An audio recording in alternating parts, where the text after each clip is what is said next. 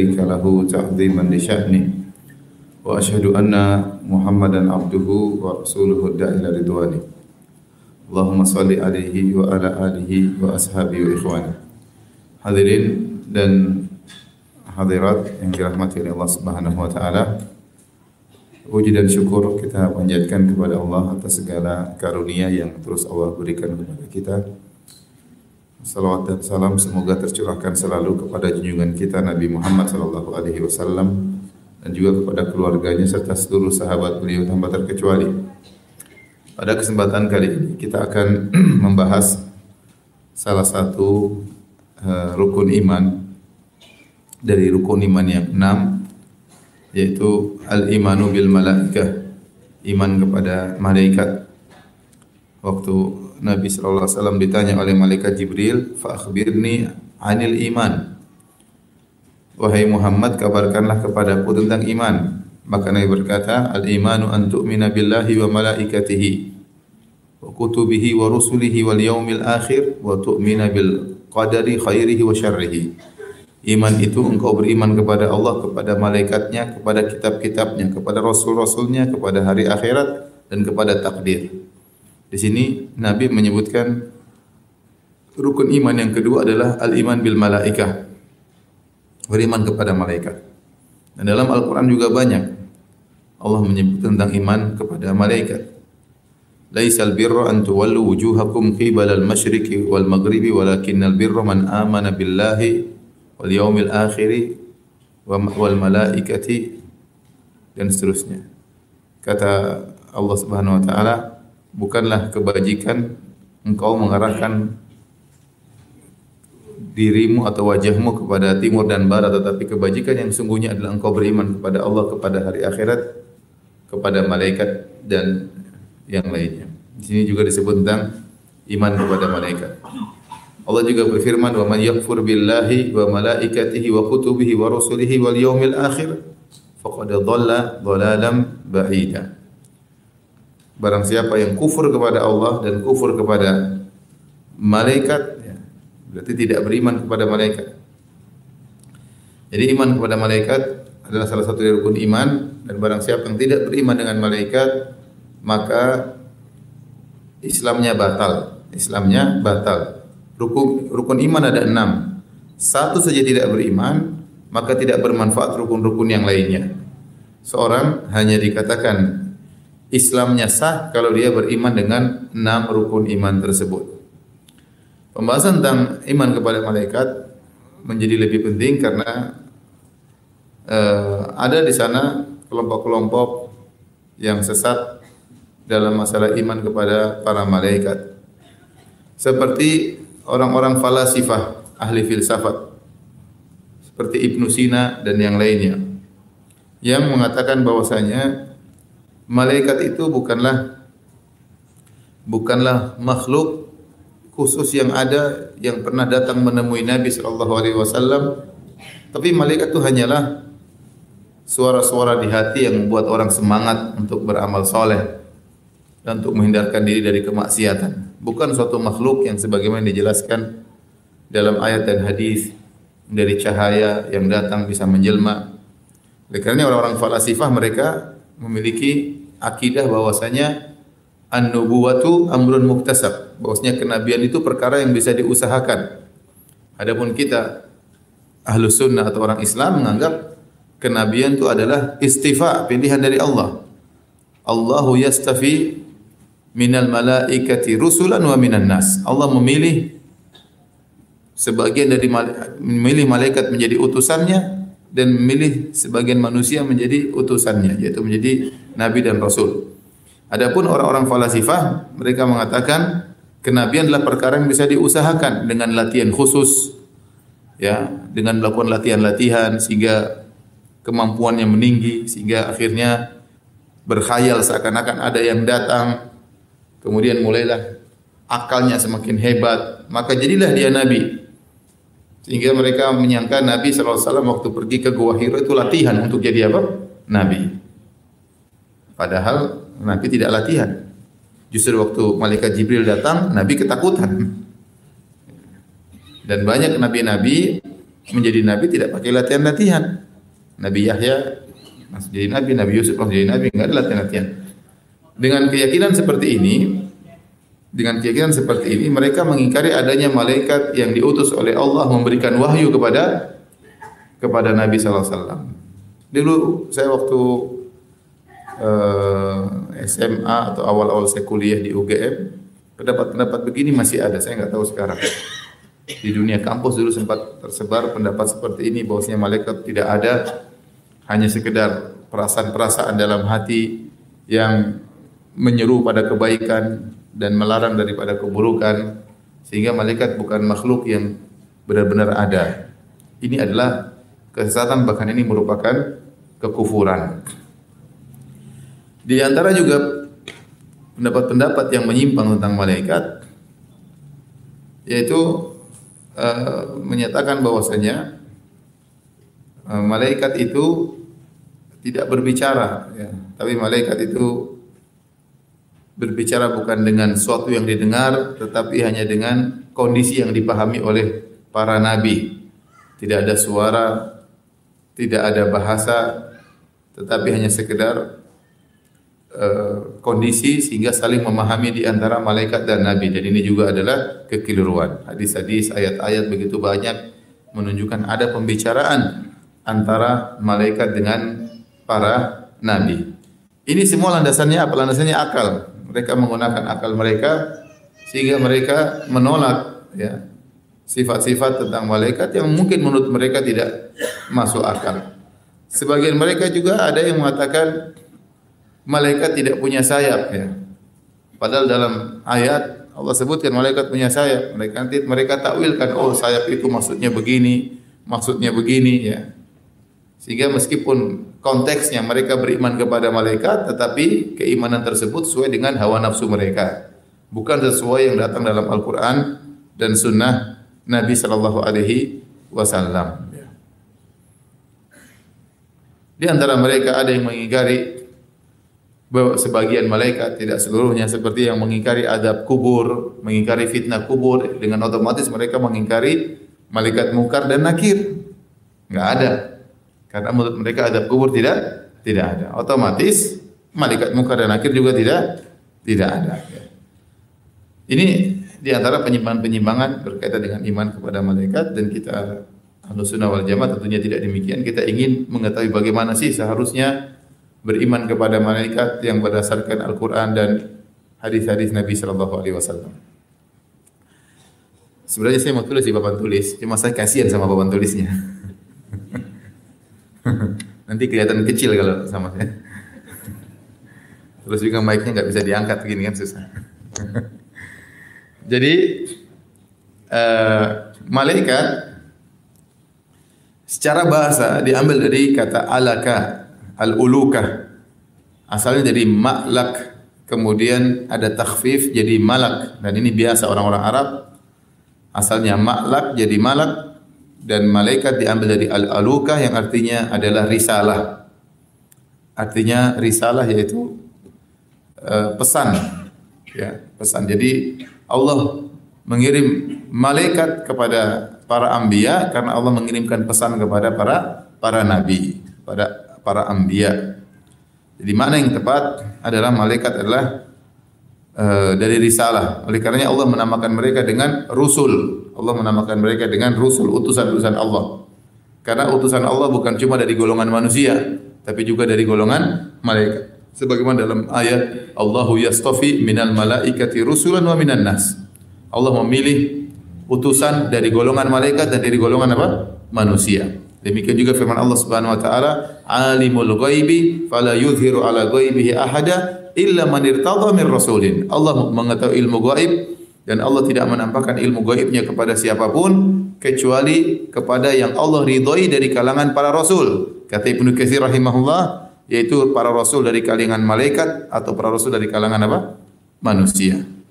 Jibril rasul, utusan Allah kepada siapa? Kepada nabi. Nabi utusan Allah kepada manusia. Jadi malaikat secara bahasa Arab dari al-alukah atau al-ulukah yang artinya adalah risalah, pesan, utus, utusan yang di, pesan yang di, pesan yang dibawa oleh Allah melalui utusannya. Uh, malaikat diciptakan dari cahaya. Dalam hadis kata Nabi sallallahu alaihi wasallam, "Khuliqatil malaikatu min nur." Sungguhnya malaikat diciptakan dari cahaya. Wa khuliqal jan mim mariji minna. Adapun jin diciptakan dari uh, api.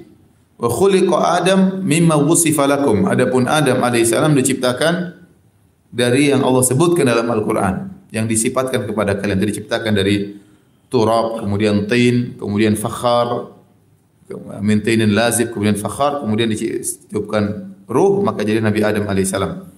Jadi intinya ternyata malaikat alam tersendiri berbeda dengan alam jin dan berbeda dengan alam manusia. Makhluk tersendiri. Allah sebut Nabi sebutkan malaikat ciptakan dari cahaya, jin dari api, manusia dari tanah. Manusia dari tanah ya. Nah, cahaya dari cahaya apa? Allah alam nggak ada yang tahu. Ada sebagian hadis-hadis tapi hadisnya dhaif dari cahaya inilah dari cahaya anu lah. Tapi semuanya dhaif. Yang datang hadis cahaya sahih cuma malaikat diciptakan dari apa? Cahaya. Secara zahir hadis ini menunjukkan malaikat diciptakan terlebih dahulu baru kemudian jin baru kemudian apa? manusia. Karena Nabi mengatakan khuliqatil malaikatu min nur malaikat ciptakan dari cahaya. Wa khuliqal jan min mariji min nar. Jin diciptakan dari api. Wa khuliqa Adam dan Adam diciptakan mimma wasifalakum dari tanah sebagaimana yang telah dijelaskan dalam Al-Qur'an. Ini menunjukkan urutan zaman penciptaan malaikat dulu baru jin baru apa? manusia. Oleh karenanya di antara tafsiran firman Allah Subhanahu wa taala waktu Allah berkata wa idz qala rabbuka lil malaikati inni ja'ilun fil ardi khalifah. Qalu ataj'alu fiha may yufsidu fiha wa yasfiku dima wa nahnu nusabbihu nusabbihu bihamdika wa nuqaddisu lak. Tatkala Allah berkata wahai para malaikat sungguhnya aku akan menciptakan khalifah itu pengganti yang akan menempati bumi maksudnya manusia. Maka malaikat berkata, "Ya Allah, apakah kau akan menciptakan manusia di atas muka bumi yang akan melakukan kerusakan dan menumpahkan darah.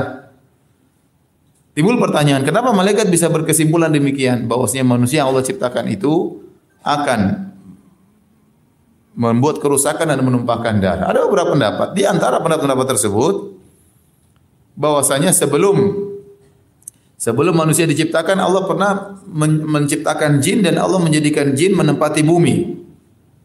Dan mereka melakukan perkelahian di antara mereka, bunuh-bunuhan di antara para jin tersebut sehingga akhirnya mereka dihilangkan dari bumi diganti dengan khalifah. Khalifah itu pengganti secara bahasa Arab. Artinya apa?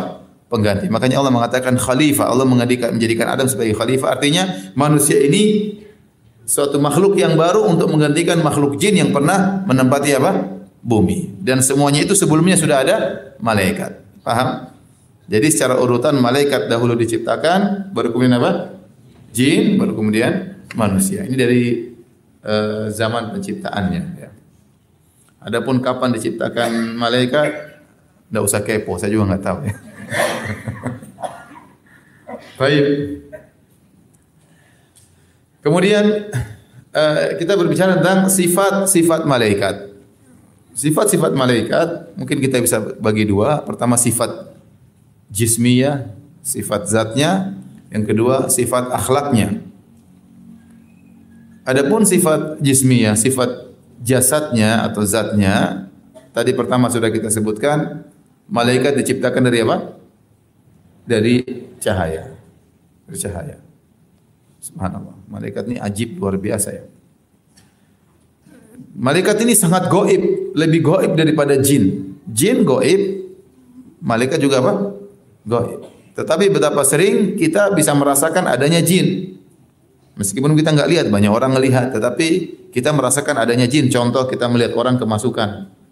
Ini orang kemasukan jin. Kenapa bisa jin? Ya nggak mungkin. Dia ini orang Jawa kok bisa ngomong Arab. Jinnya jin Arab yang masuk misalnya. misalnya. Atau dia orang Jakarta atau ngomong Jawa, berarti jinnya jin apa? Jawa. Atau bahasa kromo inggil lah, ini berarti jin Jawa ya. Enggak mungkin secara logis enggak mungkin ini bukan dia yang bicara. Ada yang masuk dalam dia. Berarti kita rasakan ada jin ya. Kemudian juga terkadang kita suatu tempat kita merasa merinding sehingga kita harus baca ayat kursi untuk menghilangkan rasa merinding tersebut. Seperti ada makhluk halus lainnya ya. ya itu namanya jin. Maka jin itu gaib tapi keberadaannya masih lebih mudah dirasakan. Karena malaikat kita nggak pernah merasa ada malaikat sama sekali. Itu tidak. Padahal malaikat Rakib Atid selalu bersama kita. Ada Al-Hafadhah. Allah kirimkan malaikat yang menjaga lahu muaqibatun min baini yadihi min khalfihi yahfazunahu min amrillah. Malaikat yang menjaga manusia kita tidak pernah merasakan sama sekali tidak pernah merasakan. Jadi kegoiban malaikat ini lebih goib daripada apa? Daripada jin. Tetapi dia ada, dia makhluk terciptakan dari cahaya. Dan yang menajubkan di antara sifat malaikat, malaikat tidak makan, tidak minum. Malaikat tidak makan, tidak minum. Makanya Allah sebutkan tatkala malaikat menjelma menjadi manusia datang ke Nabi Ibrahim. Nabi Ibrahim sediakan makanan. Hal hal ataka hadithu Ibrahim dhaifa hadithu Ibrahim al-mukramin. Telah datang kepada engkau tentang kisah tamu-tamu Nabi Ibrahim. Izdakhalu alaihi faqalu salama. Qala salamun qaumun munkarun. Faraga ila ahli faja'a bi'ijlin samin. Ya, faqarrabahu ilaihim qala ala ta'kulun? Fa awjasa minhum khifah qalu la takhaf. Waktu malaikat datang kepada Nabi Ibrahim menjelma menjadi para lelaki. Nabi Ibrahim tidak kenal ini tamu-tamu dari mana. Maka Nabi Ibrahim segera menyembelih sapi yang gemuk. Dia potong dia panggang untuk muliakan tamu sudah capek-capek dia potong sudah capek-capek dia panggang dia hidangkan didekatkan kepada tamu-tamu tersebut ternyata tamu-tamu tersebut tidak makan sama sekali eh aydiyahum la tasilu ilaih. Tangan mereka tidak menyentuh makanan tersebut sama sekali. Nabi Ibrahim jadi takut. Ini kenapa tidak makan? Ternyata mereka malaikat. Tidak makan, tidak minum. Terus sumber energi dari mana? Ya itulah yang menakjubkan. Kalau kita nggak makan, nggak minum, mampus ya. Malaikat tidak makan, tidak minum, tapi energinya luar biasa. Bayangkan sampai Allah bersumpah dengan malaikat. Surat An-Nazi'at itu isinya malaikat semua wan nazi'ati gharqa wan nasyitati nashta fasabihati sabha fasabiqati sabqa falmudabbirati amra Allah sumpah dengan lima jenis malaikat wan nazi'ati gharqa malaikat yang mencabut nyawa orang nyawa orang kafir dengan keras ya wan nasyitati nashta demi malaikat yang mencabut nyawa orang mukmin dengan penuh kelembutan fasabihati sabha fasabiqati sabqa malaikat yang bergerak dengan begitu cepat dan malaikat gerak dengan cepat sekali bayangkan dari langit lapor ke Allah langsung turun ke ke para nabi cepat sekali. Jin cepat tapi masih kalah cepat. Jin bisa terbang sana sini. Apalagi yang paling jago jin ifrit yang pernah bilang sama Nabi Sulaiman, "Ana atika bihi qabla an takuma min maqamik." Wahai Sulaiman, aku akan datangkan singgah sana Ratu Balkis sebelum kau berdiri dari tempat dudukmu. Padahal jin itu ngomong di Palestina, Ratu Balkis di mana? di Yaman, di Sabah. Berarti gerakan dia sangat cepat. Ribuan kilo bisa dia tempuh dalam waktu beberapa detik. Itu jin. Tapi masih kalah dengan apa? Malaikat. Malaikat bukan ribuan kilo. Dari langit sana ujung sampai turun ke bawah. Cepat. Ini kita bumi sampai ke langit berapa ribu kilo kita tidak tahu. Ya. Langit berikut dengan berik langit berikutnya perjalanan 500 tahun perjalanan. Tetapi malaikat bisa tembus sampai mendengar perintah Allah kemudian turun menyampaikan perintah Allah kepada Nabi Muhammad SAW dalam waktu yang sangat singkat. Sementara mereka tidak makan, tidak minum. Menakjubkan. Yang lebih menakjubkan adalah penciptanya. Itu Allah Subhanahu wa taala. Sama saya sering sampaikan seperti yang kita bicara jauh, kita bicara matahari. Matahari jutaan tahun sudah terbit, panasnya konstan, Ya. Coba kalau kita mau nyalain api besar butuh gas berapa banyak ya? Batu bara berapa banyak nyalain api? Ini udah api jauh sampai ke sini jauhnya luar biasa. Ada yang bilang berjuta-juta kilo, bagi yang berpendapat bumi itu bulat. Yang berpendapat bumi datar katanya cuma dekat aja matahari. Tapi intinya bayangkan energi dari mana? Tapi Allah bikin energi. Berjuta-juta tahun tidak habis-habis energi tersebut nyala terus. Malaikat Allah ciptakan dengan cahaya khusus yang mereka kuatnya luar biasa. Padahal mereka tidak makan, tidak apa? Tidak minum. Dan tidak disebutkan sama sekali. Malaikat kumpul-kumpul kemudian makan minum, enggak ada. Dalam ayat dalam hadis ya, tidak ada. Ini makhluk yang menakjubkan, malaikat. Jadi dia diciptakan dari apa? Cahaya. Cahayanya apa kita enggak tahu. Kemudian dari sifat jasadnya malaikat memiliki sayap. Dalam ayat kata Allah Subhanahu wa taala Alhamdulillahi fatiris samawati wal ard ja'ilil malaikati rusulan uli ajnihatin mathna wa thulatha wa ruba' yazidu fil khalqi ma yasha. Segala puji bagi Allah yang telah menciptakan langit dan bumi yang menjadikan para malaikat utusan-utusan Allah sebagai rusul. Uli ajnihatin mereka memiliki sayap-sayap. Masna wa thulatha wa ruba' ada yang sayapnya dua, ada yang sayapnya tiga, ada yang sayapnya empat, yazidu fil khalqi ma yasha, ada sayapnya Allah tambah terserah Allah Subhanahu wa taala. Oleh karenanya dalam hadis yang sahih, malaikat Jibril sayapnya 600. Setiap sayap kalau dibuka, saddal ufuk, setiap sayap kalau dibuka menutup cakra cakrawala.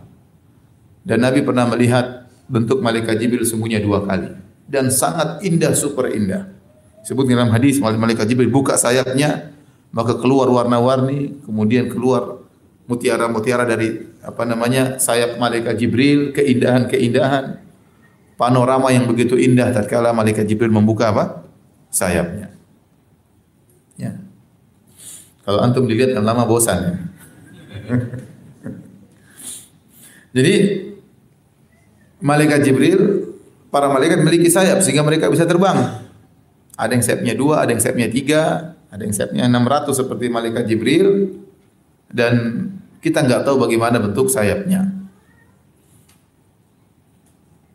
Kalau sayap dua, kita bayangkan kanan kiri ya tidak? Kalau sayap tiga, satunya di mana? Satunya di mana? Nggak tahu. Ya. Buat kemudi nggak tahu. Allah alam. Yang jelas ada yang sayapnya genap, ada yang sayapnya apa? Ganjil. Ya. Jadi mereka punya sayap. Kemudian di antara sifat jasad malaikat, malaikat memiliki uh, jantung. Jantungnya tentu tidak seperti jantung ente. Ada peredaran darah karena mereka bukan dari badan, mereka dari cahaya. Tapi Allah sebutkan mereka punya apa? Jantung. Dalam Al-Qur'an Allah sebutkan hatta idza fuzzi an qulubihim qalu madza qala rabbukum Qalul haqq wa huwal aliyul kabir. Tatkala Allah menyampaikan berbicara dengan malaikat, suara Allah sangat dahsyat sampai malaikat begitu mendengar suara Allah mereka pingsan. Kemudian kata Allah hatta idza fuzzi an qulubihim tatkala dicabut rasa takut dari jantung-jantung mereka. Berarti mereka punya apa? Jantung. Allah namakan mereka punya jantung. Kemudian uh, mereka misalnya disebut dalam hadis mereka punya pundak, mereka punya telinga seperti Rasulullah mengatakan udzina li telah diizinkan kepadaku an uhadditha aku untuk menyampaikan tentang malak min hamalatil arsh tentang satu malaikat dari malaikat-malaikat yang memikul arsh Allah Subhanahu wa taala. Sungguhnya jarak antara ujung telinganya syahmat udhunaihi daun telinganya sampai ila atiqihi seperti sampai pundaknya entah berapa ratus perjalanan ya tahun berapa ratus tahun perjalanan. Menunjukkan bahwasanya malaikat tersebut sangat besar. Ada telinganya ada pundaknya. Bagaimana bentuknya kita tidak pernah tahu dan kita tidak pernah lihat. Di antara sifat-sifat fisiknya. Di antara sifat-sifat fisik malaikat malaikat bisa tasyakul. Tasyakul itu menjelma. Bisa menjelma. Jin juga bisa menjelma ya.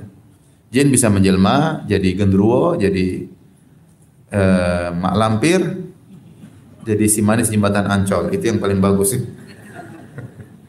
Jin bisa menjelma. Jadi tuyul, jadi mbak yul, jadi yang lainnya. Uh, Dan saya sering bilang demikianlah ya. Kalau jin-jin itu menjelma sesuai dengan tingkat ekonomi masing-masing ya. Kalau jin-jin di barat keren-keren ya. Jadi Dracula, vampire pakai jas keren ya. Jin-jin sini bajunya sobek-sobek.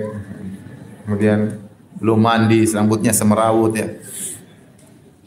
Sesuai dengan tingkat ekonomi. Jin bisa menjelma, malaikat juga bisa menjelma.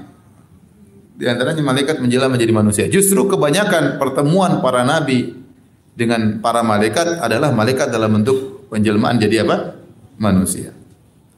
Jibril sering menjelma menjadi seorang namanya Dihya Al-Kalbi. Seorang sahabat namanya Dihya Al-Kalbi, seorang sahabat yang mulia. Punya tampan, gagah. Jibril sering menjelma menjadi Dihya Al-Kalbi.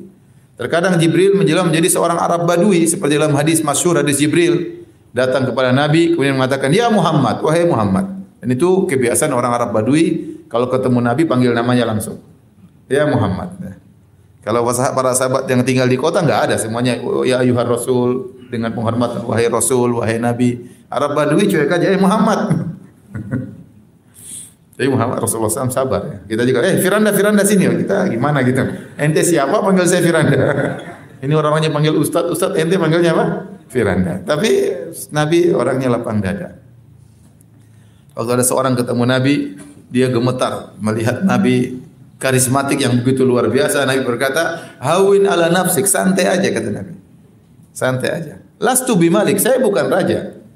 Inna ana ibnu imra'atin min Quraisyin ta'kulul qadid. Saya ini hanyalah anak seorang wanita dari Quraisy yang makan susu dikeringkan sebagaimana kalian dia. Artinya Nabi sekarang Nabi mengatakan kalau kita orang Indonesia santai aja. Saya ini bukan ningrat-ningratan. Saya ini sama seperti ente. Kita sama-sama makan nasi. Gitu kira-kira. Jadi terkadang malaikat Jibril menjelma jadi sahabat yang mulia di Al-Kalbi terkadang menjadi Arab Badui jadi manusia. Lihat datang dalam beberapa ayat tadi malaikat ketemu dengan para nabi jadi manusia seperti ketemu dengan Nabi Ibrahim menjelma jadi apa? Manusia. Waktu datang kepada Nabi Lut yang itu setelah mereka bertamu ke rumah Nabi Ibrahim mereka pergi ke Nabi Lut. Yang jadi masalah malaikat ini menjelma menjadi lelaki-laki yang sangat tampan. Walamma walamma ja'at rusuluna lutan si abihim wa dhaqa bihim dhar'a wa qala hadha yaumun asib tatkala para malaikat rasul-rasul kami datang kepada Nabi Lut Nabi Lut merasa sulit. Kenapa? Karena tamu-tamu yang datang ini ganteng-ganteng. Laki-laki ganteng-ganteng sementara kaumnya semuanya homoseksual. Maka Nabi Lut pusing ini gimana ini?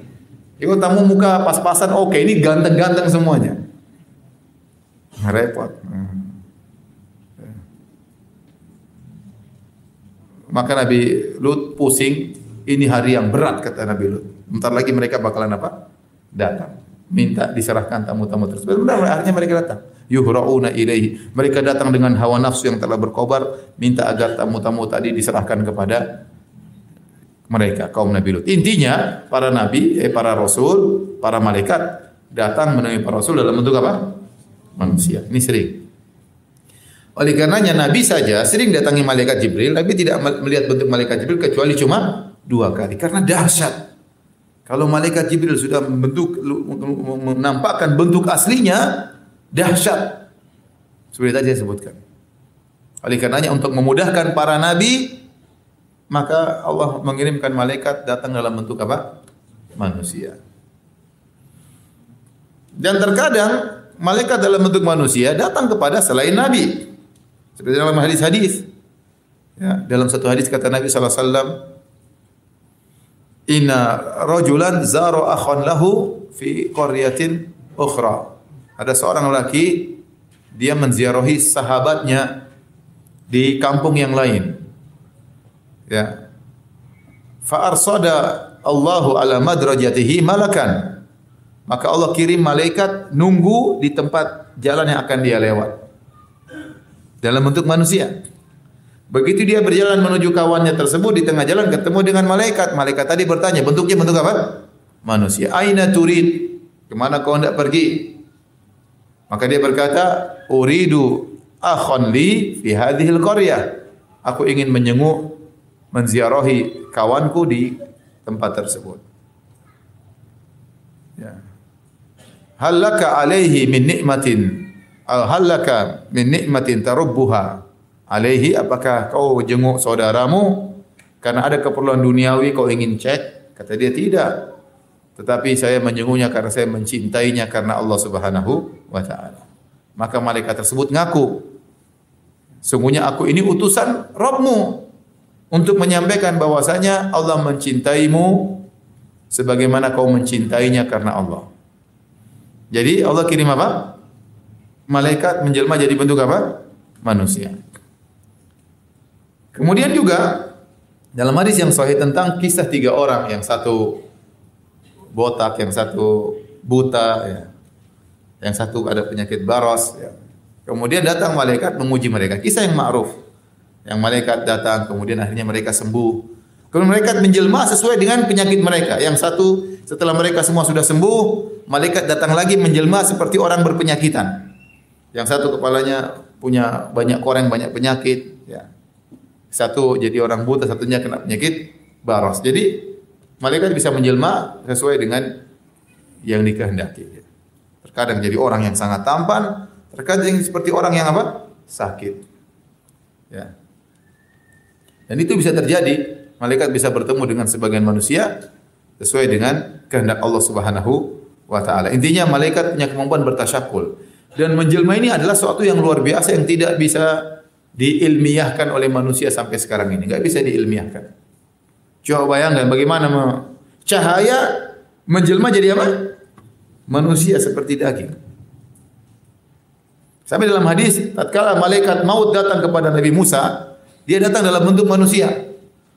Maka Nabi Musa tidak kenal dia, Nabi Musa pukul, matanya lepas. dalam hadis yang sahih. Ya. Jadi seperti manusia aja, menjelma kayak manusia. Jadi inilah di antara sifat-sifat fisik malaikat hebat, kemudian gerakannya cepat, punya kemampuan yang luar biasa dan di antara kemampuan mereka adalah menjelma. Kebanyakannya seorang tidak bisa melihat malaikat karena melihat malaikat itu apalagi dalam bentuk aslinya sulit, berat. Makanya saya tadi sudah sebutkan di antara bentuk keringanan kasih sayang Allah kepada para nabi, malaikat waktu bertemu dengan mereka menjelma jadi apa? Manusia. Nah orang-orang kafir disebutkan mereka mengatakan wahai Rasulullah kami tidak akan beriman kepada engkau sampai engkau datangkan Allah atau malaikat di depan kami baru kami beriman.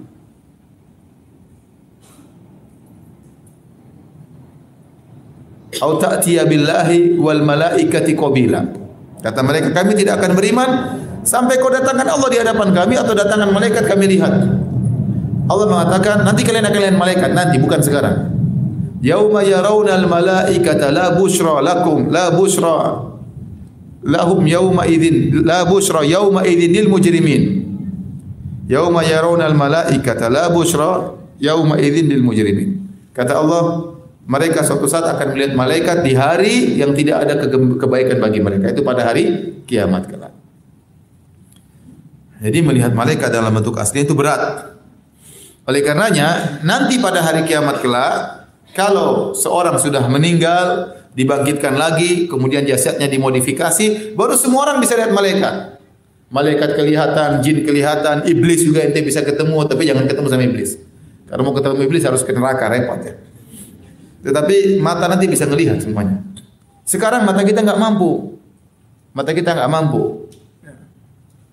Kita nggak bisa lihat malaikat. Sementara ayam dalam hadis sebutkan bisa lihat apa? Malaikat. Tapi ini dari sisi fisik uh, malaikat. Dari sisi akhlak malaikat, malaikat memiliki akhlak yang mulia ya. Di antaranya malaikat disebut dengan kiraman bararah malaikat yang baik, kiram dari karim, bararah dari bar, yaitu malaikat-malaikat yang baik yang kebaikannya sangat banyak. Namanya bar itu adalah orang yang kebaikannya sangat banyak, luas, kebaikannya luas. Jadi malaikat sangat baik. Mereka tidak pernah membangkang kepada Allah ya la ya'sunallaha ma amarahum wa yaf'aluna ma yu'marun. Mereka tidak pernah membangkang Allah sama sekali, tidak pernah bermaksiat dan mereka menjalankan semua perintah Allah Subhanahu wa taala. Mereka sangat sangat baik. Kemudian antara sifat para malaikat akhlak malaikat uh, malaikat terkadang malu kepada sebagian hamba-hamba Allah yang sangat bertakwa. Oleh karena Nabi SAW Tatkala Abu Bakar masuk tersingkap pahanya dan Nabi tidak menutup pahanya. Umar masuk, Nabi tidak menutup pahanya. Begitu Uthman masuk, Nabi menutup pahanya. Maka Nabi ditanya, kenapa anda waktu Uthman masuk radhiyallahu anhu baru anda menutup paha anda? Nabi berkata, ala astahi min rajulin yastahi minhu al malaika. Kenapa aku tidak malu kepada seorang yang malaikat aja malu sama dia? Karena karena akhlak Uthman yang luar luar biasa. Ya. Di itu di antara akhlak malaikat. Di antara akhlak malaikat ya bahwasanya malaikat suka mendoakan orang-orang yang baik. Dalam banyak hadis, bahkan dalam ayat. Alladzina yahmiluna al-arsya wa man hawlahu yusabbihuna bihamdi rabbih wa yu'minuna bihi wa yastaghfiru lilladzina amanu Rabbana wasi'ta kulla syai'in rahmatan wa ilman faghfir lil ladzina tabu wattaba'u sabilaka wa qihim adzabal jahim. Para malaikat yang memikul arsh dan para malaikat yang ada di sekeliling arsh mereka bertasbih kepada Allah, mereka beriman kepada Allah wa yastaghfiruna alladziina amanu dan mereka memohonkan ampunan bagi orang-orang yang beriman. Dan mereka berdoa, Ya Allah, sungguhnya ya rahmatmu dan ilmumu meliputi segala sesuatu. Faghfir lilladzina ta'abu. Maka ampunilah orang-orang yang bertobat. Ini malaikat mendoakan. Malaikat mendoakan. Banyak dalam hadis malaikat mendoakan orang beriman. Contoh malaikat mendoakan orang-orang yang menuntut ilmu. Bahkan malaikat dengan tawadhu ya wa, wa innal malaikata la tadau ajnihatahum ridhan li talibil ilmi bima yasna. Malaikat meletakkan sayapnya merendah untuk dilewati oleh orang-orang penuntut ilmu karena mereka ridho dengan penuntut ilmu. Akhlak yang mulia, tawadhu. Malaikat tidak sombong untuk menyembah Allah. Kata Allah Subhanahu wa taala, "La yastankifal masihu ay yakuna abdalillah, la yastankifal masihu ay yakuna abdalillah walal malaikatul muqarrabun."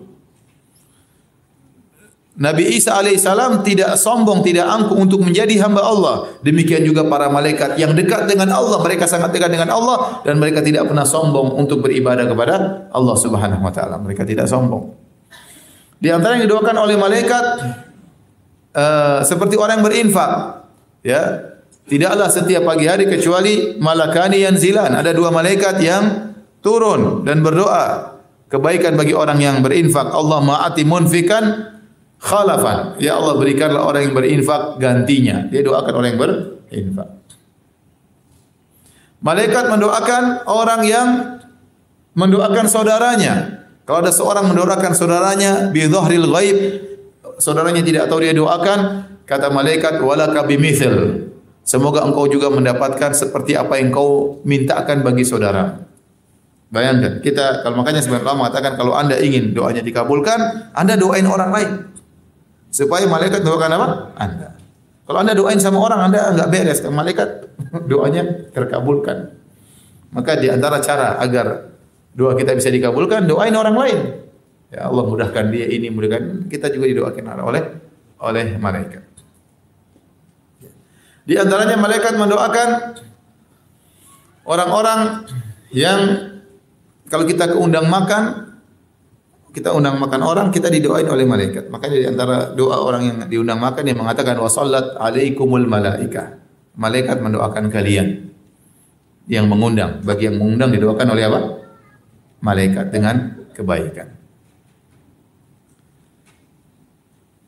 dan banyak dalil-dalil bagaimana para malaikat mendoakan. Ini akhlak yang baik dari malaikat.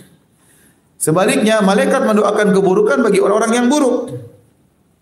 Contoh, malaikat mendoakan keburukan bagi orang-orang yang melakukan kezaliman di kota Madinah atau melakukan bid'ah di kota Madinah. Kata Nabi sallallahu alaihi wasallam, "Al-Madinatu haramun."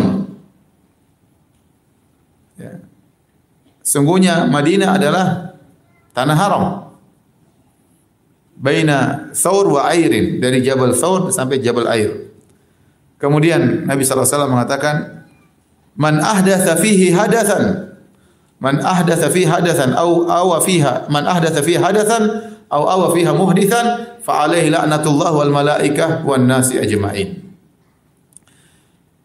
Barang siapa yang buat kezaliman di kota Madinah, maka baginya laknat Allah dan laknat malaikat dan laknat seluruh manusia. Berarti malaikat mendoakan keburukan bagi orang melakukan kezaliman di mana di kota Madinah atau bikin bid'ah yang mungkar di kota Madinah.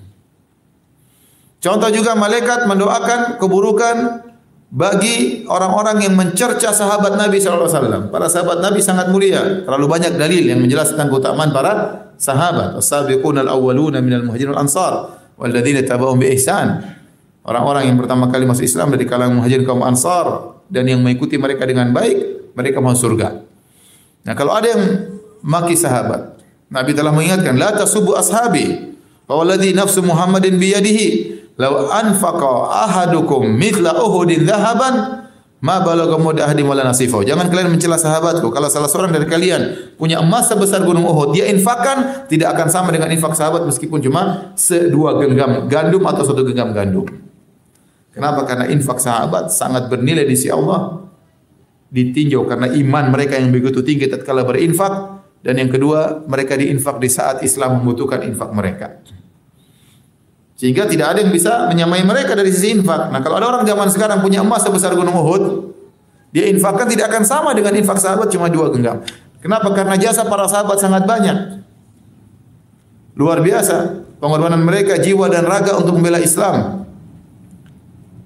Kemudian ada orang datang mencela sahabat di akhir zaman, maka Nabi mengatakan man sabba ashabi fa alaihi laknatullah wal malaikati wan nasi ajmain. Barang siapa yang mencaci maki sahabatku, atasnya laknat Allah dan para malaikat dan seluruh manu, manusia. Jadi ada orang-orang buruk didoakan keburukan oleh malaikat. Dan kita ngomong hati-hati. Makanya waktu uh, suaminya Ummu Salamah, Abu Salamah radhiyallahu anhu meninggal dunia, maka Nabi mengatakan inna ruha idza qubidat tabi'ahal basar. Sungguhnya ruh kalau keluar dicabut maka mata akan melihat. Maka fadhajan nas orang-orang pun menangis sedih. Maka Nabi ingatkan ya la tad'u ala anfusikum. Jangan sampai kalian doakan keburukan untuk diri kalian. Bisa jadi malaikat mengaminkan apa yang kalian apa? ucapkan. Maka seorang hati-hati kalau bicara, jangan bicara buruk. Khawatir kalau pas malaikat mengaminkan bahaya. Ya. Kemudian juga malaikat mendoakan yang didoakan keburukan oleh malaikat diantaranya istri yang kurang ajar, yang tidak mau melayani suaminya. Kata Nabi sallallahu alaihi wasallam, "Idza da'a ar-rajulu imra'atahu ila firashihi fa'abat fabata ghadban la'anathul malaikatu la'anathal malaikatu hatta tusbih." Kalau salah seorang suami mengajak istrinya untuk berhubungan, kemudian istrinya menolak tanpa ada alasan yang jelas, ya. Gak ada alasan. Sakit juga enggak, lagi pusing juga enggak, stres juga enggak, ya. cuma enggak lagi berhasrat misalnya. Kemudian suaminya marah malam itu, tidur gelisah, marah, bantal tidak bermanfaat, guling tidak bermanfaat, Tidur di kasur sama dengan tidur di lantai enggak ada faedahnya. La'anatal malaika maka malaikat melaknatnya sampai pagi hari. Ibu-ibu hati-hati ibu-ibu. Jangan terlaknat tiap malam. Sudah ngaji pagi-pagi malamnya dilaknat. Hati-hati. Ini contoh bahwasanya ada orang-orang yang didoakan keburukan oleh apa? Malaikat. Taib. Ini tadi kita sebutkan sifat malaikat secara jasad maupun secara akhlak. Tentunya masih ada banyak tapi saya tidak bisa sebutkan semuanya. Kemudian sebelum kita sebutkan tentang ibadah malaikat, sebutkan nama-nama malaikat. Malaikat nama-namanya secara secara kelompok al-malaikah. Itu namanya malaikat. Kemudian ar-rusul, para utusan. Dalam banyak ayat Allah menyebutkan rusuluna, para rasul-rasul kami. Namanya apa? Ar-rusul. Namanya juga wa ma ya'lamu junuda rabbik. Tidak ada yang mengetahui tentang pasukan Rabbmu. Allah sebutkan juga dengan nama Al-Junud. Ya. Yauma yaqumul ashhad. Allah juga menamakan malaikat dengan al-ashhad, para pemberi saksi atau para yang menyaksikan. Ini contoh nama-nama malaikat. Ya. Disebut juga nama malaikat adalah Zabaniya, sanadu'uz Zabaniya. Para penjaga neraka jahanam, kelompok mereka disebut dengan Zabaniya.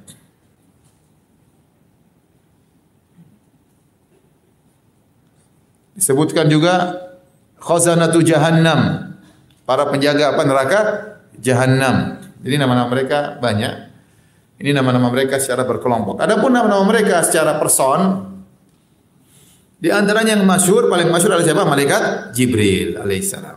Dan malaikat Jibril punya nama-nama banyak di antaranya Ar-Ruhul Amin. Di antara namanya Ruhul Kudus. Wa ayyadnahu bi Ruhil Kudus. Orang-orang Nasara menamakan malaikat Jibril dengan apa? Ruhul Kudus. Ruhul Kudus. Namanya Jibril. Jibril ini macam-macam. Ada Jibril, Jibril. Banyak, ada sekitar sepuluhan. Jibril ini namanya. Jibril itu dari Jibr, Jibr artinya hamba, Il artinya Allah. Jadi Jibril artinya Abdullah. Artinya apa?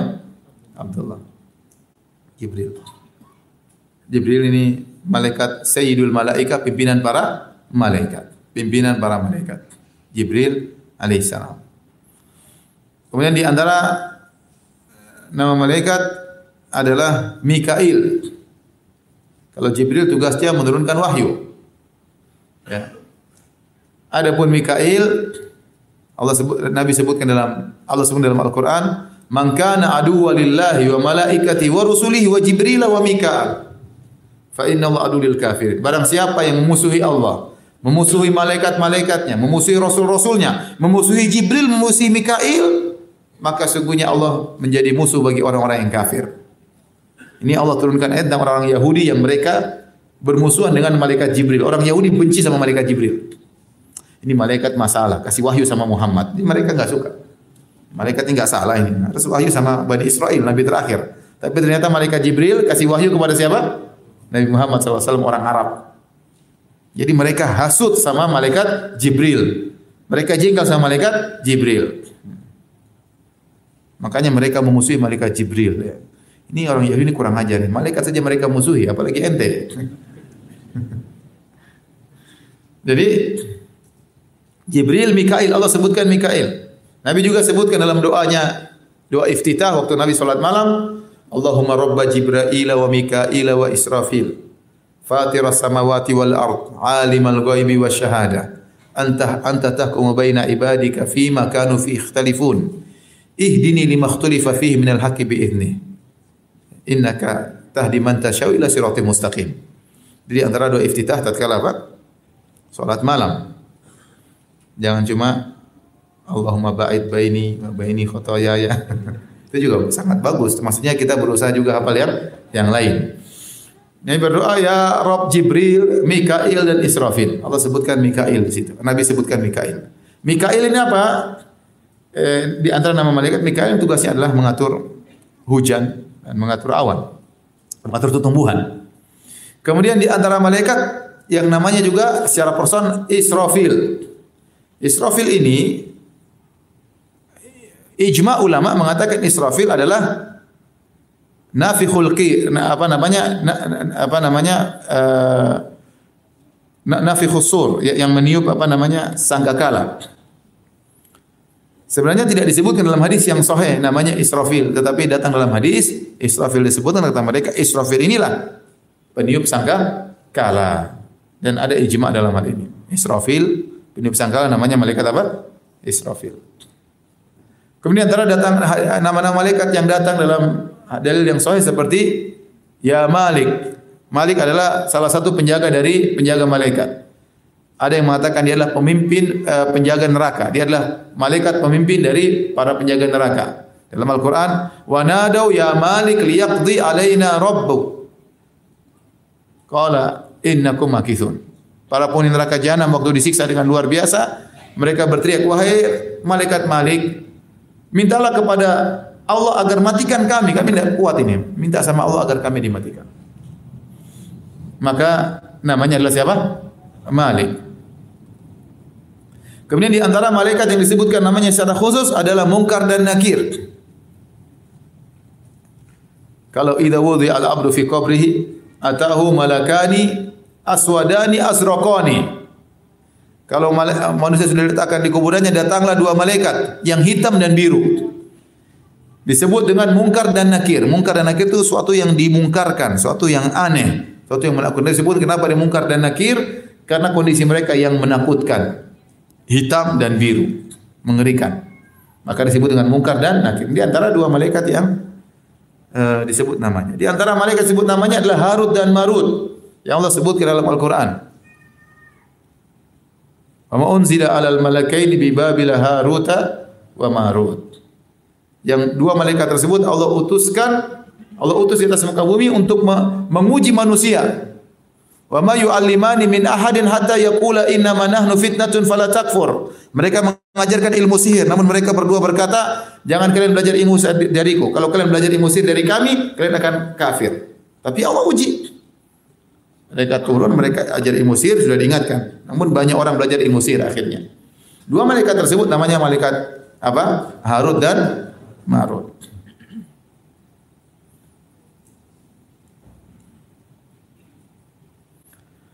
Apalagi nama yang malaikat? Ada nama-nama malaikat yang hadisnya tidak ada, tidak ada dalil yang sahih. Contohnya malaikat Ridwan. Kata sebagian orang penjaga surga namanya apa? Malaikat Ridwan. Dan ini tidak ada dalilnya. Contohnya oh satu lagi, malaikat maut. Malaikat maut namanya Malakul Maut. Namanya Malakul apa? Maut. Malaikat kematian. Malaikat kematian. Adapun namanya Israel tidak ada dalilnya. Israel tidak ada apa? Dalilnya. Datang dalam hadis-hadis yang sahih dalam Al-Qur'an disebut Qul yatawaffakum malakul maut alladhi wukila bikum. Dan yang akan mencabut nyawa kalian adalah malaikat maut. Allah menamakan dengan apa? Malaikat maut. Dan waktu para nabi didatangi malaikat maut, mereka juga panggil malaikat maut. Jadi namanya malakul maut. Malaikat maut. Adapun nama Israel itu adalah tidak ada dalilnya. Itu di antara nama-nama malaikat. Boleh enggak seorang menamakan anaknya dengan nama malaikat? Ini ada khilaf di kalangan para ulama. Namanya malaikat Jibril. Jibril. Tapi salat subuh enggak pernah datang. Namanya Mikail, mengerikan. Pengatur apa? Hujan tumbuh-tumbuhan Mikail.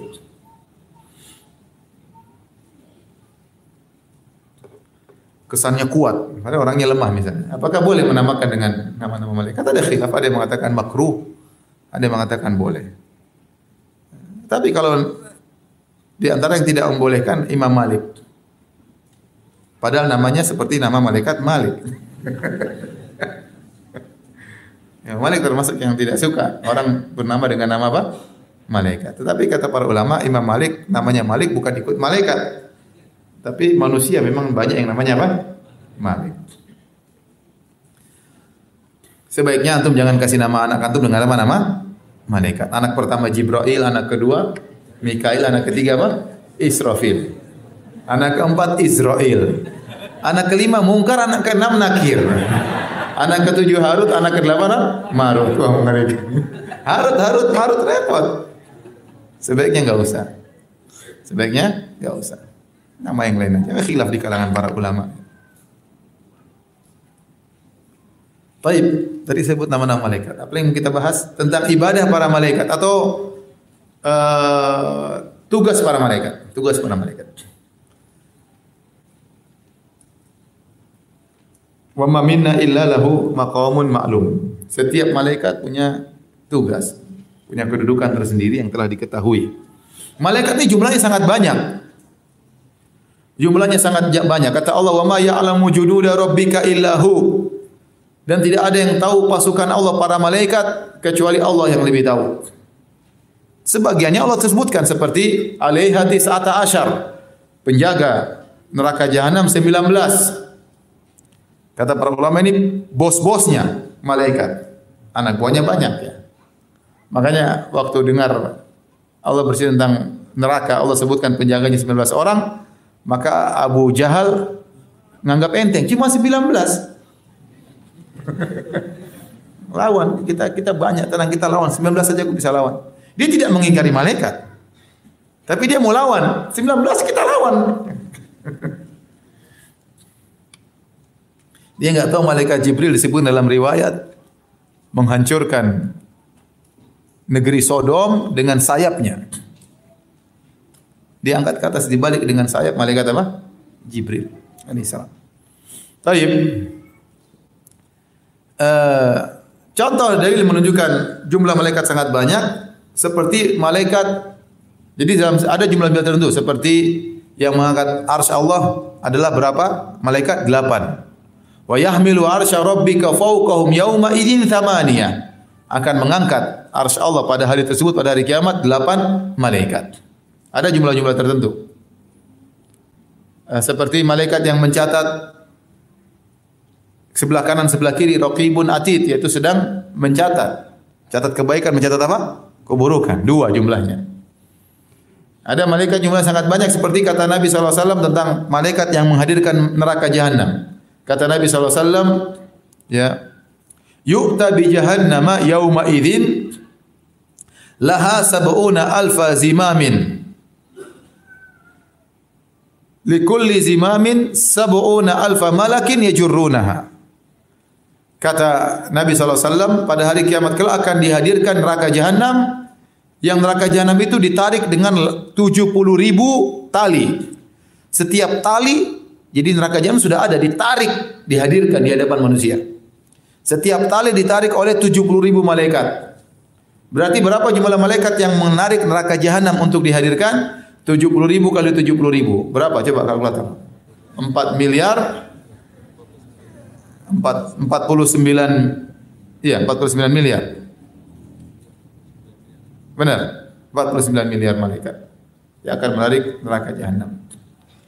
Terus dalam hadis juga wa rufi'a ali al-baitul ma'mur. Kata Nabi diperlihatkan kepadaku al-baitul ma'mur. Fasa'altu Jibril, aku bertanya apa ini ya Rasulullah? Baitul Ma'mur adalah masjid persis hiala Ka'bah di atas Ka'bah. Persis di atas Ka'bah. Malaikat masuk situ sholat.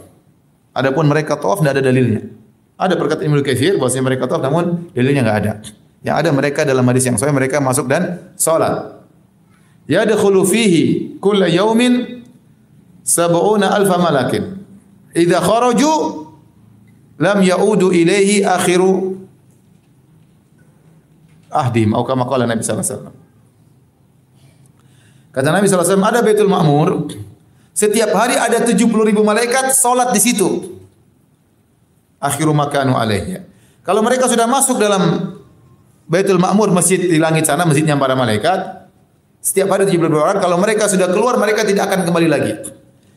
Berarti setiap hari pasti ada 70 ribu malaikat baru yang masuk di di Baitul Ma'mur. Nah sekarang, sudah sejak awal malaikat diciptakan sampai sekarang sudah berapa hari? Sudah berapa juta tahun. Sudah berapa ada yang mengatakan alam semesta tercipta miliaran tahun sebelumnya enggak tahu yang benar atau tidak. Tapi intinya sudah berapa tahun kita enggak tahu. Dan setiap tahun 365 hari. Setiap hari ada 72 malaikat baru yang masuk ke Baitul Ma'mur salat kemudian keluar. Waktu Nabi Isra Mi'raj Nabi lihat malaikat melihat Nabi Ibrahim bersandar di Baitul Ma'mur. Menyandarkan apa pundaknya atau punggungnya di Baitul Ma'mur. Jadi ini menunjukkan jumlah malaikat sangat apa? Sangat banyak. Makanya Nabi pernah berkata, "At-tatis sama wa huqalaha anta'id."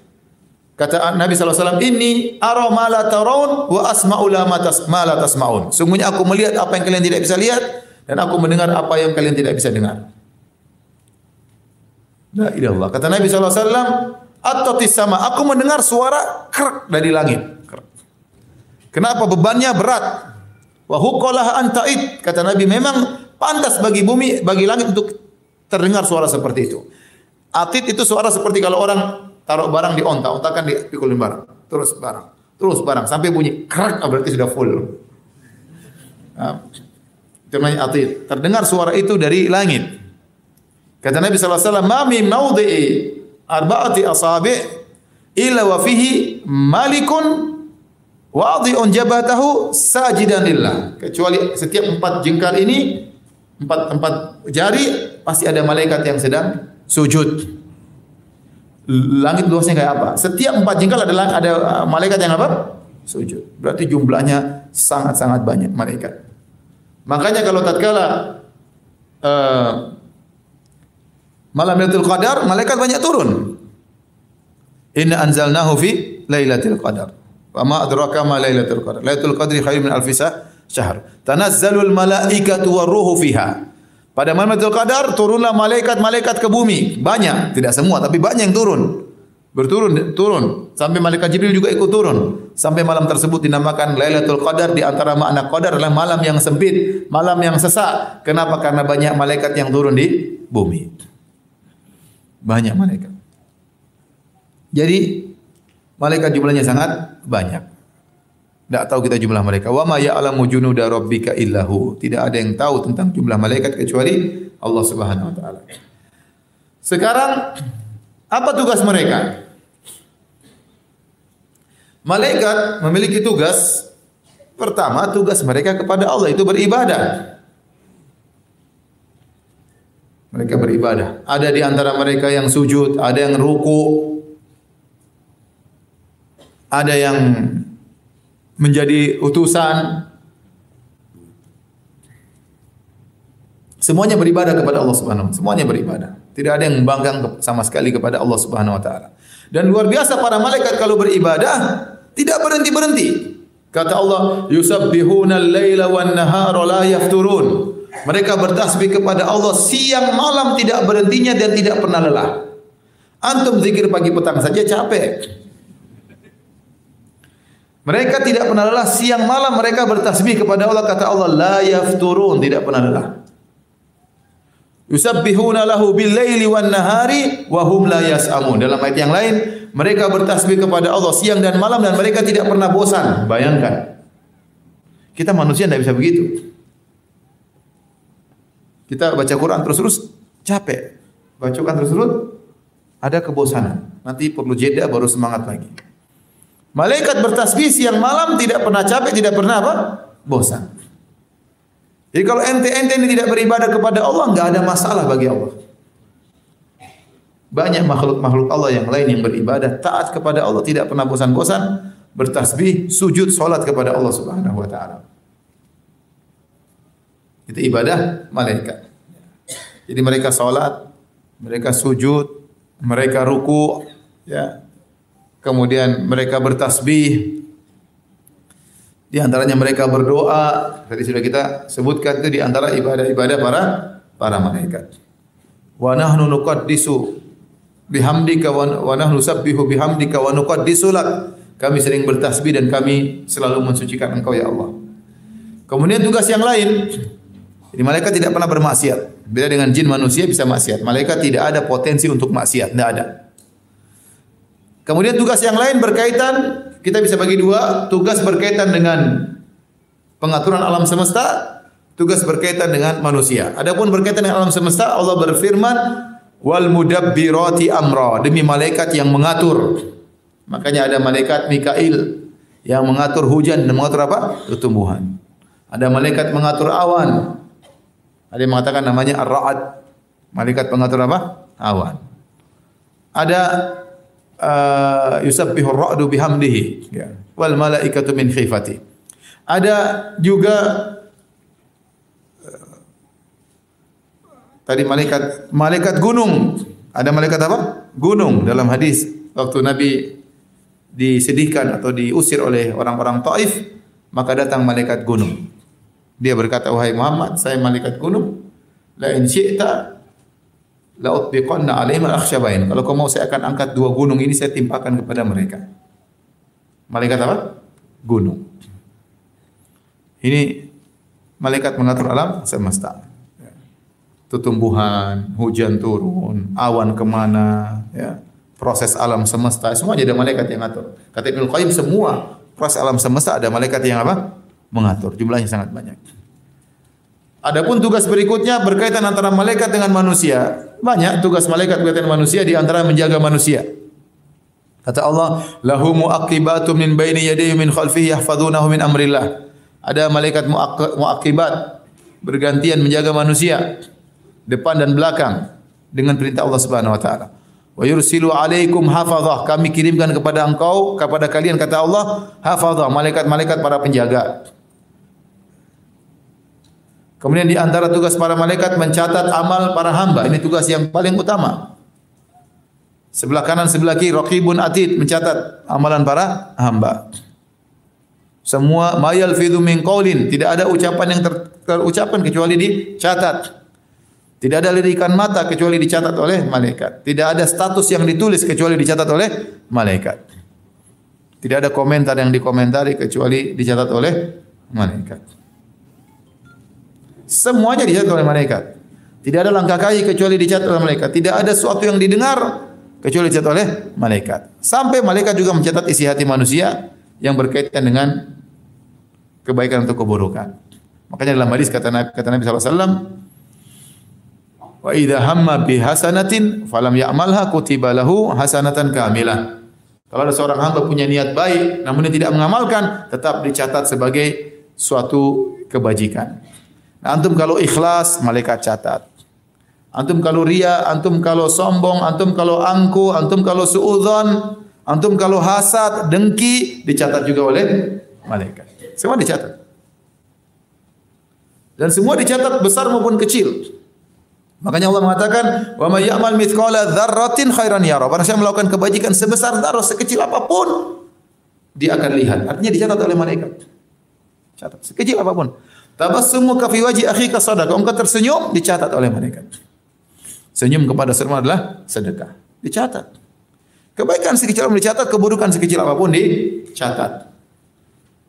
Makanya tatkala di hari kiamat kala orang-orang mujrimin berkata, Ma li hadzal kitabi la yughadiru saghiratan wala kabiratan illa ahsaha. Wa wajdu ma amilu hadira wa la yadhlimu rabbuka ahada. Mereka pada hari kiamat dibuka catatan amal mereka. Ini apa semua buku ini? Semua dicatat. Besar kecil semua dicatat. Saking sekecil-kecil pun dicatat. Semua filenya tercatat. Tidak ada yang terkurang. Datanya sedikit pun enggak ada. Semuanya tercatat. Itu catatan malaikat. Semua secara detail dan sekecil apapun tercatat. Ini tugas malaikat mencatat. Kemudian di antara tugas malaikat misalnya mencabut nyawa, tugas malaikat maut. Khilaf malaikat maut ada berapa malaikat? Ada berapa person? Ada yang mengatakan satu person anak buahnya banyak. Karena manusia jumlahnya banyak. Kebanyakan makanya. Untuk nyabut nyawa banyak segitu gimana caranya? Ada yang mengatakan malaikat maut satu, anak buahnya apa? Banyak. Ada yang mengatakan cukup satu malaikat.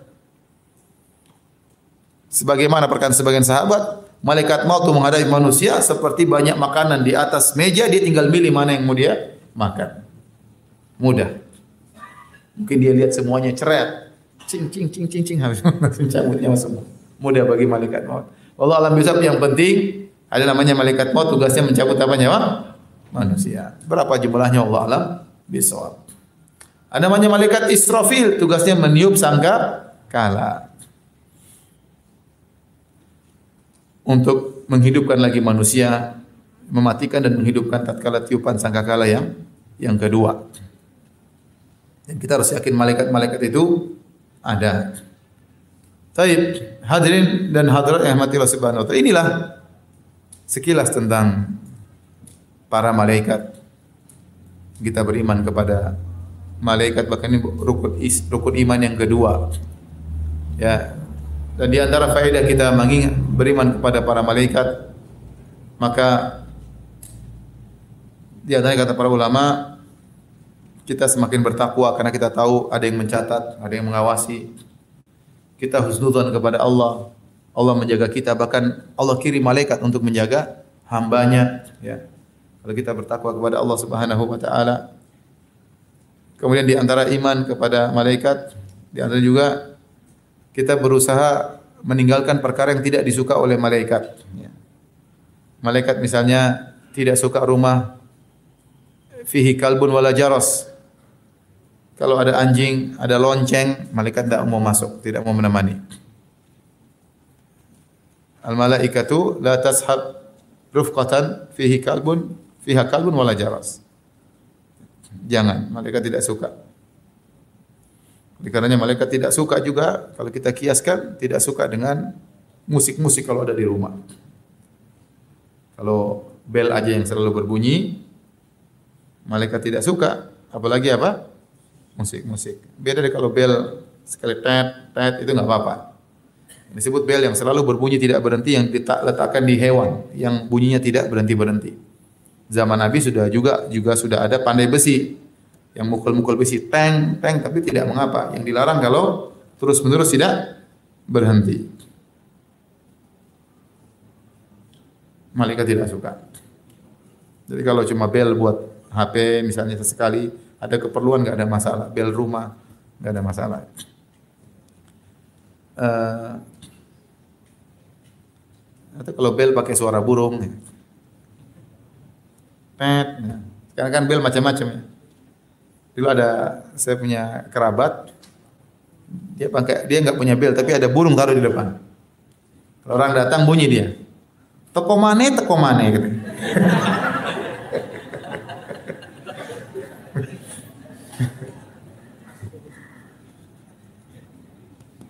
Jadi nggak apa-apa ya. Jadi kemudian apa? Uh, kalau kita ke masjid jangan makan yang baunya tajam seperti basal, thum. Nabi tidak suka orang yang ke masjid makan bawang putih, bawang merah kemudian ke masjid. Kenapa? Fa innal malaikata tata'adza mimma yata'adza minhu ibnu Adam. Sungguhnya malaikat terganggu dengan apa yang mengganggu anak Adam. Terus salat nanti mulut bau Allah dolin amin. Kanan kiri terganggu. Malaikat juga terganggu. Makanya tidak usah. Nanti mulut bau, habis makan bawang sama mending sikat gigi dulu atau diapain kasih apa baru ke masjid. Karena mengganggu, malaikat terganggu, orang juga ter terganggu. Apakah dikiaskan dengan pete? Rokok, eh, sebagian ulama mengkiaskan. Rokok juga begitu karena bau busuk. Pete juga demikian, baunya apa? Busuk. Apalagi sabu-sabu baunya sangat tidak enak. Baunya tidak enak, rokok masih mending. Sabu-sabu tuh saya paling tidak suka baunya. Saya baru tahu waktu waktu ke Amsterdam lewat di tengah-tengah kota bau tidak enak. Saya bilang ini bau apa ini? Sering setiap saya lihat kota ada bau tidak enak. Kata teman-teman, Ustaz itu sabu-sabu. Oh, begini baunya. Kasihan. Tidak enak. Jadi mereka sabu-sabu dalam bangunan, kita di luar cium. Bau paling tidak enak, lebih tidak enak daripada apa? Rokok. Sabu-sabu. Intinya sebenarnya lama mengkiaskan seperti itu ya. Jadi bau yang tidak enak uh, jangan kita makan kemudian kita sholat ya. Ini di antara eh, contohnya juga kita berusaha bersaf seperti malaikat. Kata Nabi Allah tasufuna kama tasuful malaikah. Kenapa kalian tidak bersaf seperti safnya malaikat? Saya bertanya, "Kaifa tasuful malaika?" Ya Rasulullah, bagaimana malaikat menyusun saf? Malaikat susufnya, safnya mereka dipenuhi dan dirapikan. Kata Nabi SAW. Apa di? Rapi, rapat. Rapat. Kemudian kita tahu malaikat yusalluna ala asufuful uwal atau sofil awal. Malaikat bersolawat kepada mendoakan orang yang di saf pertama. Jadi seorang semangat untuk berada di saf pertama. Didoakan oleh apa? Malaikat. Malaikat mendoakan orang yang pergi ke masjid menunggu sholat berikutnya. Malaikat mendoakan orang tersebut. Nah, kalau kita tahu tentang iman beri malaikat ini membuat kita semangat untuk beribadah, semakin takut kepada Allah Subhanahu wa taala. Taib, demikian saja para hadirin dan hadirat sedikit yang bisa sampaikan. Semoga bermanfaat. Kalau ada yang bertanya saya persilakan. Wallahu taala alam bisawab.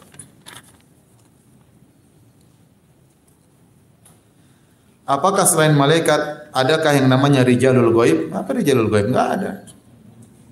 Apakah Nabi Khidir ini kadang mengajar kesyirikan ya. Orang di tengah kesulitan kemudian manggil, "Ya rijalul ghaib, wahai orang-orang laki-laki yang gaib." Ya, dari mana? Minta sama siapa? Enggak ada orang. Apakah Nabi Khidir masih hidup? Pendapat yang benar Nabi Khidir, Nabi Khidir sudah meninggal dunia. Di pendapat Imam Bukhari dan pendapat Ibnu Jauzi, pendapat banyak ulama. Kenapa? Karena tidak ada orang yang Allah abadikan. Wa ma ja'alna li basyarin min qablikal khuld. Allah tidak pernah menjadikan orang yang abadi sebelum engkau wahai Muhammad. Semuanya tidak ada yang abadi. Nabi Khidir sudah meninggal dunia. Apalagi dalam hadis Sahih Bukhari kata Nabi, "Ma min nafsin manfusah." Tidak ada satu jiwa pun yang masih hidup sekarang di atas muka bumi kecuali 100 tahun sudah tidak hidup lagi.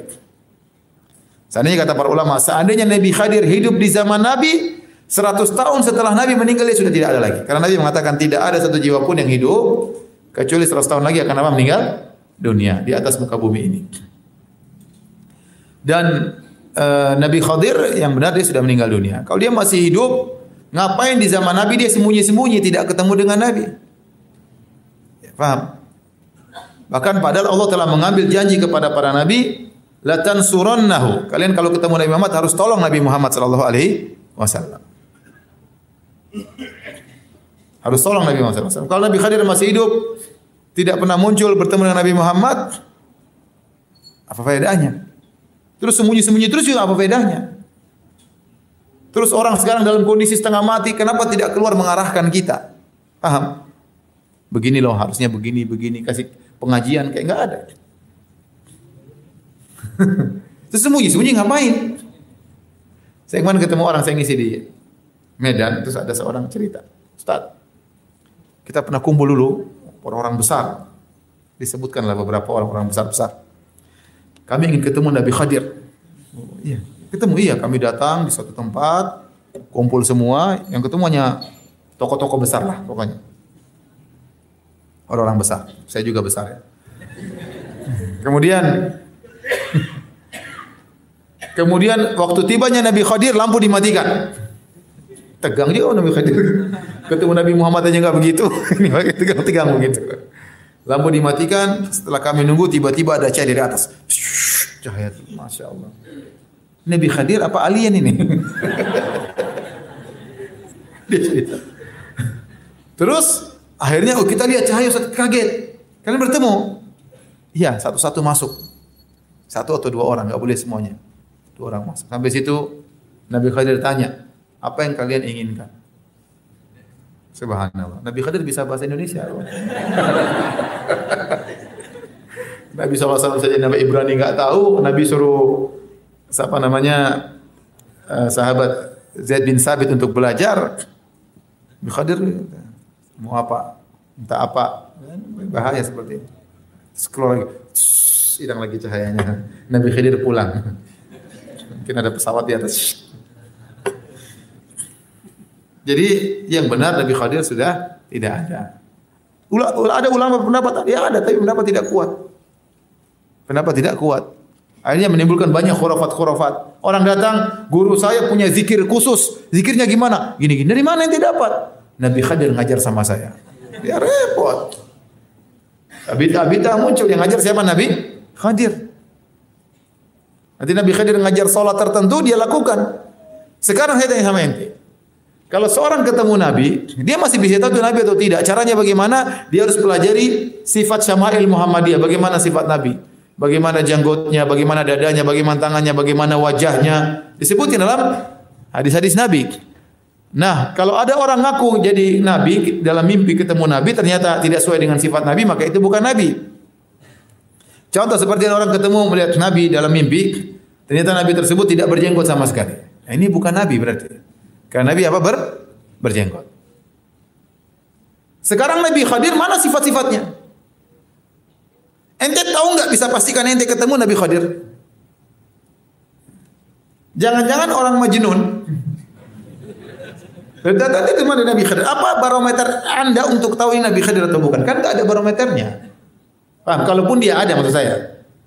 Kalaupun dia ada, apalagi dia sudah nggak ada. Nah, barometer Anda bisa menyakini Nabi Khadir dari mana? Ya, dia bisa bahasa Indonesia. Eh gimana?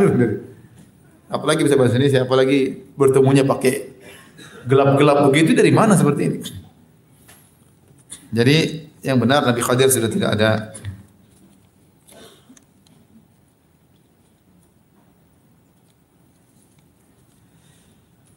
Mohon penjelasan untuk malaikat yang berdoa untuk orang hadir di majelis ilmu. Iya, malaikat mendoakan orang majelis ilmu. Malaikat hadir di majelis ilmu.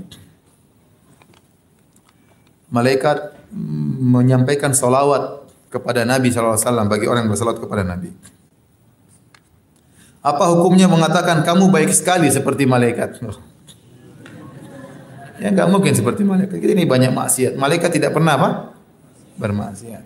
Malaikat tidak pernah letih dalam beribadah. Ya mungkin seperti itu tidak mesti harus 100%. Ya. Tapi sebaiknya nggak usahlah hindari seperti ini. Ya. Nanti orang, oh masa? Oh masa? Jadi ujub dia. Nggak usahlah muji orang berlebihan. Kamu seperti malaikat, kamu baik seperti nabi. Ngapain seperti itu?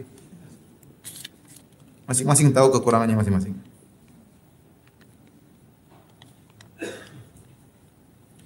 Apakah Yahudi itu sebuah etnis? Yahudi itu suku, suku. Namun disebutkan sebagai suatu agama karena mereka punya agama tersendiri. Tapi sebenarnya suku. Makanya Allah terkadang panggil Yahudi, terkadang Allah panggil Bani Is Israel. Asal muasalnya panjang Yahudi. Namanya kenapa disebut Yahudi? Bagaimana senyum adalah sunnah? Bagaimana senyum kepada wanita ya? Ya kalau senyum sama ibu-ibu, sama mbah-mbah, enggak apa-apa insya Allah. Kalau senyum sama gadis, so itu repot. Senyum secara umum boleh, tapi kalau lagi bertemu berdua, pepet, pet, itu repot. Kalau rame-rame kita senyum nggak ada masalah. Indonesia ramah. Kita ibu salam bu, nggak biasa. Nggak usah pikir macam-macam juga ya. Tapi kalau pas berdua itu agak kadang-kadang strongnya kuat. Jalan tetet, kemudian balikan. Wah repot itu. Itu repot. Soalnya kalau sama ibu-ibu sama mbah-mbah nggak apa-apa ya. Kalau sama janda lihat, janda tua apa janda muda.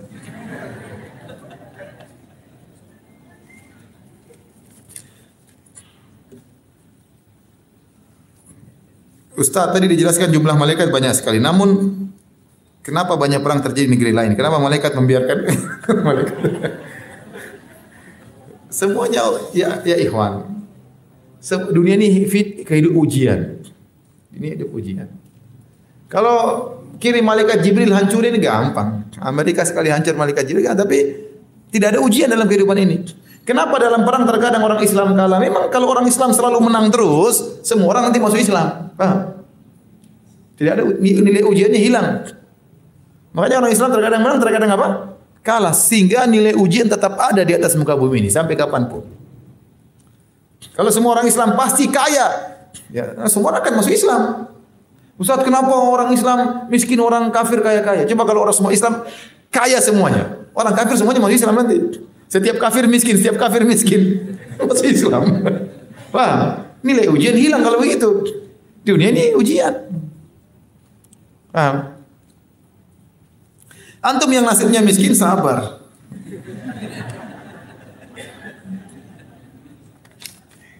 Baik, demikian saja kajian kita. Semoga bermanfaat. Subhanakallah bihamdik asyhadu an la. Assalamualaikum warahmatullahi wabarakatuh.